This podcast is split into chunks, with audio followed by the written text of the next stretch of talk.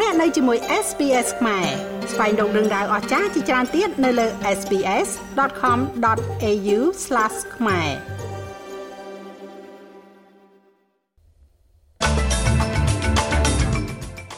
អាយបាក់រកឃើញថារដ្ឋាភិបាលរដ្ឋ Victoria គៀបសង្កត់មន្ត្រីសាធារណៈ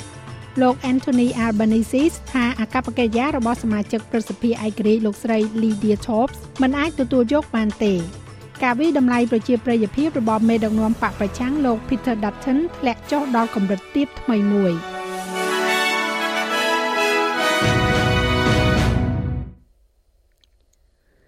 ភិបាលរដ្ឋ Victoria លោក Daniel Andrews បានចេញមុខទទួលខុសត្រូវចំពោះការរកឃើញរបស់អង្គភាពឃ្លាំមើលអំពើពុករលួយដែលបង្ហាញថាមន្ត្រីរដ្ឋាភិបាលបានគៀបសង្កត់ការិយាល័យសាធារណៈក្នុងវិស័យសុខាភិបាលឲ្យផ្ដល់កិច្ចសន្យាដល់សហជីពកម្មករសុខាភិបាល គណៈកម្មាធិការប្រឆាំងអំពើពុករលួយដែលមានមូលដ្ឋានទូលំទូលាយនិងឯករាជ្យហៅកាត់ថា IBAC បានចេញផ្សាយរបាយការណ៍ប្រតិបត្តិការ Dentry របស់ខ្លួននៅថ្ងៃពុធទី19ខែមេសានេះបន្ទាប់ពីមានការស៊ើបអង្កេតមួយទៅលើកិច្ចសន្យាតម្លៃជាង1លានដុល្លារដែលបានផ្ដល់ឲ្យនៅមុនការបោះឆ្នោតឆ្នាំ2018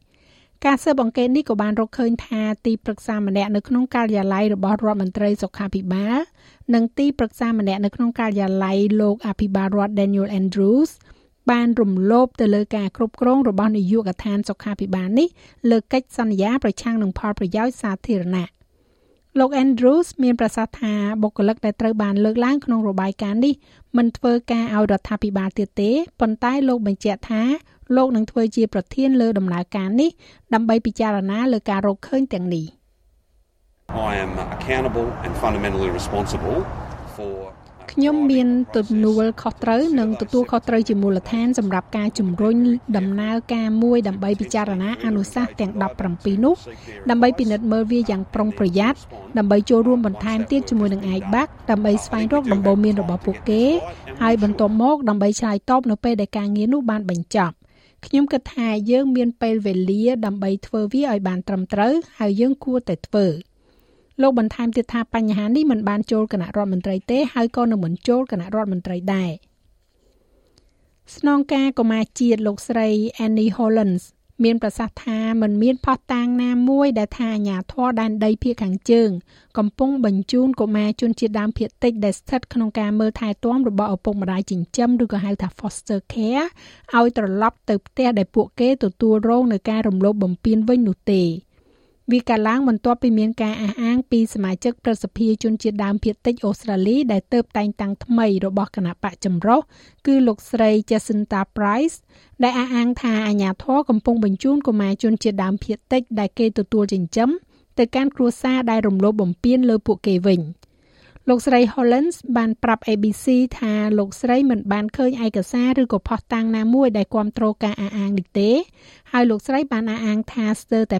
80%នៃកុមារជនជាតិដើមភាគតិចនៅក្នុងដែនដីនេះដែលត្រូវបានដកចេញពីគ្រួសាររបស់ពួកគេនោះកំពុងតែរស់នៅក្នុងការថែទាំដែលមិនមែនជាសាច់ញាតិ It doesn't look like there's that many kids actually in what we call kin វាមើលទៅមិនដូចជាមានក្មេងច្រើនស្ថិតនៅក្នុងអ្វីដែលហៅថាជាការថែទាំពីសាច់ញាតិនោះទេ គឺមានតែ22%ប៉ុណ្ណោះក្មេងភាគច្រើនគឺនៅក្នុងការថែទាំដែលមិនមែនជាសាច់ញាតិ ពួកគេស្ថិតនៅក្នុងគ្រួសារចិញ្ចឹមមិនមែនរស់នៅជាមួយគ្រួសារផ្ទាល់របស់ពួកគេទេ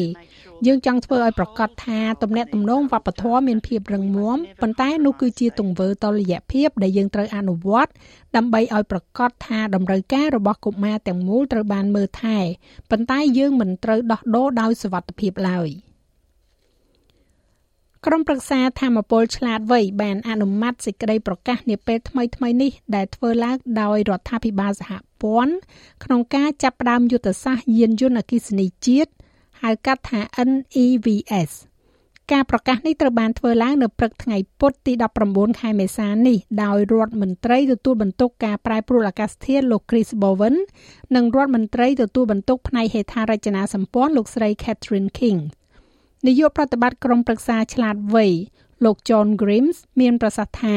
សកម្មភាពរបស់រដ្ឋាភិបាលនៅក្នុងឧស្សាហកម្មរថយន្តអគ្គិសនីនេះគឺហួសពេលយូរហើយ We've been talking about this for a very long time. យើងបាននិយាយអំពីរឿងនេះជាយូរយារមកហើយដូច្នេះមានន័យថាវាមានរឿងពីរយ៉ាង មួយគឺក្របខ័ណ្ឌដែលយើងនឹងដាក់ឲ្យដំណើរការនេះខ្លាំងក្លាប៉ុណ្ណា ហើយទី2តើយើងនឹងប្រែក្លាយវាឲ្យទៅជាច្បាប់បានលឿនកម្រិតណាអូស្ត្រាលីគឺជាប្រទេសមួយក្នុងចំណោមប្រទេសមួយចំនួនតូចដែលរួមជាមួយនឹងប្រទេសរុស្ស៊ីដែលមិនមានស្តង់ដារប្រសិទ្ធភាពសន្សំសំចៃប្រេងត្រូវបានកំណត់នោះទេ លោកនាយករដ្ឋមន្ត្រី Anthony Albanese មានប្រសាសន៍ថាលោកសង្ឃឹមថាសមាជិកព្រឹទ្ធសភាឯករាជ្យលោកស្រី Lydia Thorpe ទទួលបាននូវការគ្រប់គ្រងខ្លះនៅពេលសាកសួរអំពីអកប្បកិរិយារបស់លោកស្រីនៅខាងក្រៅក្លឹបមួយនៅទីក្រុង Melbourne លោកស្រី Thorpe ត្រូវបានគេថតបាននៅក្នុងកាមេរ៉ា CCTV ដោយប្រើពាក្យសម្ដីបំពាននៅម៉ោង3ទៀបភ្លឺព្រឹកថ្ងៃអាទិត្យទី16ខែមេសា នៅខាងក្រៅក្លឹប Maxine's Gentlemen's Club លោក Anthony Albanese បានប្រាប់វិទ្យុ 2SM ថាអាកប្បកិរិយានេះមិនអាចទទួលយកបានទេ I think that that level of behavior is quite clearly ខ្ញុំគិតថាកម្រិតនៃអកប្បកិរិយានោះគឺច្បាស់ណាស់មិនអាចទទួលយកបានទេ ហើយខ្ញុំគិតថាមានបញ្ហាជាក់ស្ដែងដែលត្រូវដោះស្រាយទាក់ទងទៅនឹងបញ្ហាសុខភាពរបស់លោកស្រីទាំងនេះមិនមែនជាសកម្មភាពរបស់នរណាម្នាក់ដែលគួរចូលរួមក្នុងសង្គមតាមរបៀបធម្មតានោះទេ ទុកឲ្យសមាជិកប្រសិទ្ធភាពរូបនេះធ្វើតែម្នាក់ឯងទៅចុះការផ្ទុះឡើងនៅខាងក្រៅក្លឹបនេះគឺជាឧបទ្ទហេតុដ៏ចម្រូងចម្រាសមួយក្នុងចំណោមឧបទ្ទហេតុមួយចំនួនដែលបានកើតឡើងក្នុងពេលប្រមាណខែថ្មីថ្មីនេះរួមទាំងការបញ្ឈប់ជាបណ្ដោះអាសន្នទៅកាន់ក្បួនដង្ហែ Sydney Mardi Gras ដោយបិទផ្លូវក្បួនដង្ហែមួយនៅក្នុងអ្វីដែលលោកស្រីបាននិយាយថាជាការតវ៉ាប្រឆាំងនឹងប៉ូលីស កម្រិតនៃការទទួលយកសម្រាប់មេដឹកនាំបកប្រឆាំងលោក Peter Dutton បានធ្លាក់ចុះបន្ទាប់ពីគណៈបក Liberals បដិសេធសម្លេងជនជាតិដើមភាគតិចការស្ទង់មតិចុងក្រោយបង្អស់របស់ Result Strategic ដែលបោះពុម្ពដោយបណ្ដាញទូរទស្សន៍លេខ9បានឃើញការវាយតម្លៃផ្ទាល់ខ្លួនរបស់លោក Dutton ធ្លាក់ចុះពីដក11ទៅដល់ដក28ដែលជាតួលេខទាបបំផុតចាប់តាំងពីលោកបានក្លាយទៅជាមេដឹកនាំបកប្រឆាំងមក។ គណៈបក Labor បានបង្កើនការបោះឆ្នោតបឋមរបស់ខ្លួនពី39ទៅ42%ខណៈដែលបកចម្រុះបានធ្លាក់ចុះពី30ទៅ28%ទន្ទឹមនឹងនេះដែរការវាយតម្លៃប្រជាប្រិយភាពផ្ទាល់ខ្លួនរបស់លោក Anthony Albanese បានកើនឡើងក្នុងអំឡុងខែមុនពី24ទៅ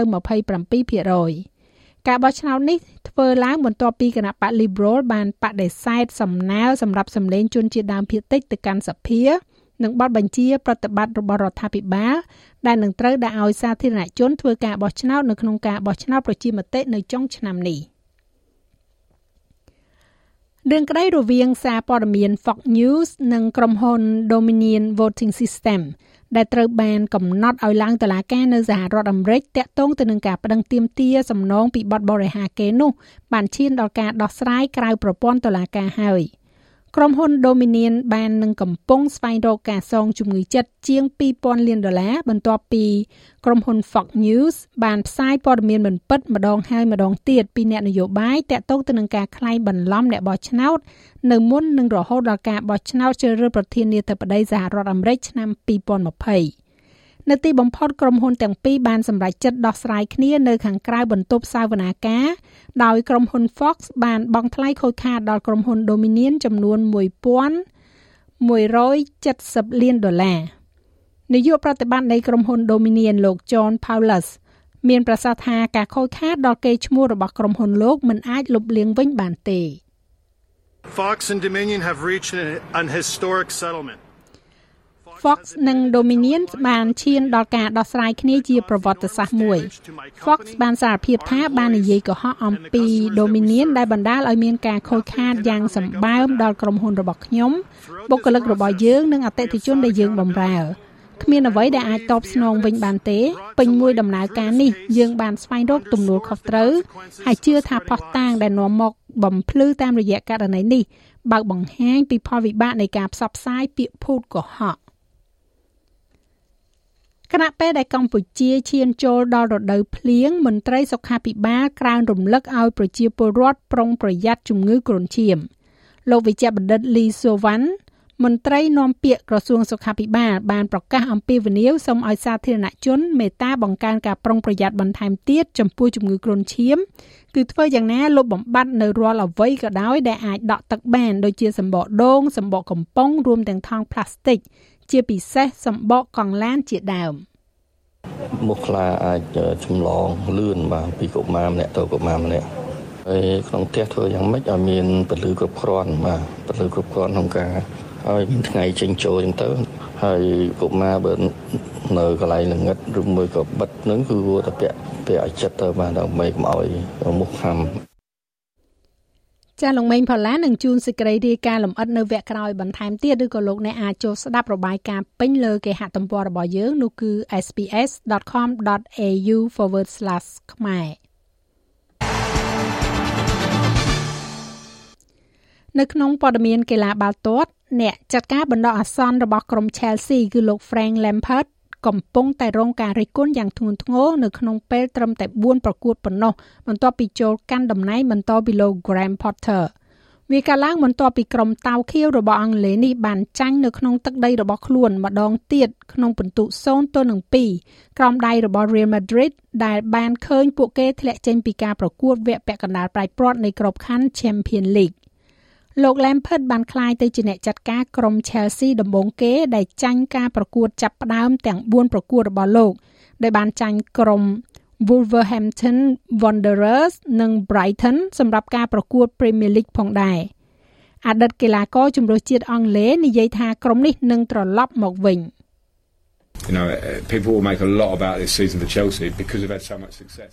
មនុស្សម្នានិយាយគ្នាច្រើនអំពីរដូវកាលនេះសម្រាប់ក្រុម Chelsea ពីព្រោះពួកគេបានទទួលជោគជ័យច្រើនហើយការពិតគឺក្លឹបនេះនឹងត្រឡប់មកវិញហើយវានឹងត្រូវការការធ្វើការងារហើយវានឹងត្រូវការវិធីសាស្ត្រហើយខ្ញុំគិតថាអ្នកគ្រប់គ្រងបានកោតសរសើរចំពោះការប្រកួតនៅថ្ងៃនេះប្រហែលជានៅរដូវកាលនេះពួកគេមានពេលវេលាដែលពួកគេមិនមានអារម្មណ៍បែបនោះ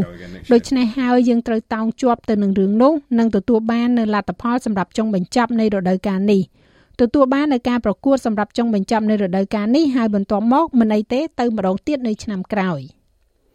ចំណែកឯអត្រាប្តូរប្រាក់វិញនៅថ្ងៃនេះ1ដុល្លារអូស្ត្រាលីមានតម្លៃប្រមាណជា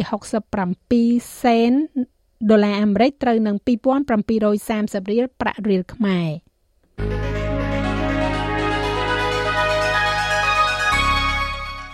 ឥឡូវយើងក៏លេខមើលការព្យាករណ៍អាកាសធាតុសម្រាប់ថ្ងៃប្រហ័សស្អែកនេះវិញ នៅទីក្រុងផឺតបើកថ្ងៃល្អ27អង្សា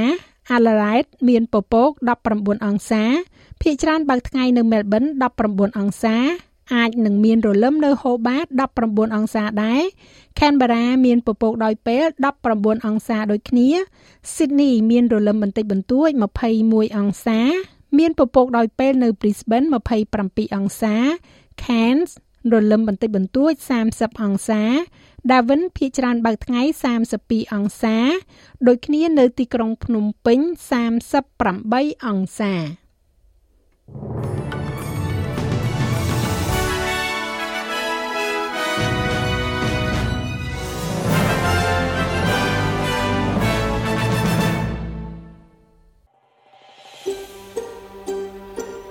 ចង់ស្ដាប់រឿងរ៉ាវបែបនេះបន្ថែមទៀតទេ ស្ដាប់នៅលើ Apple Podcast Google Podcast Spotify ឬកម្មវិធីដទៃទៀតដែលលោកអ្នកមាន។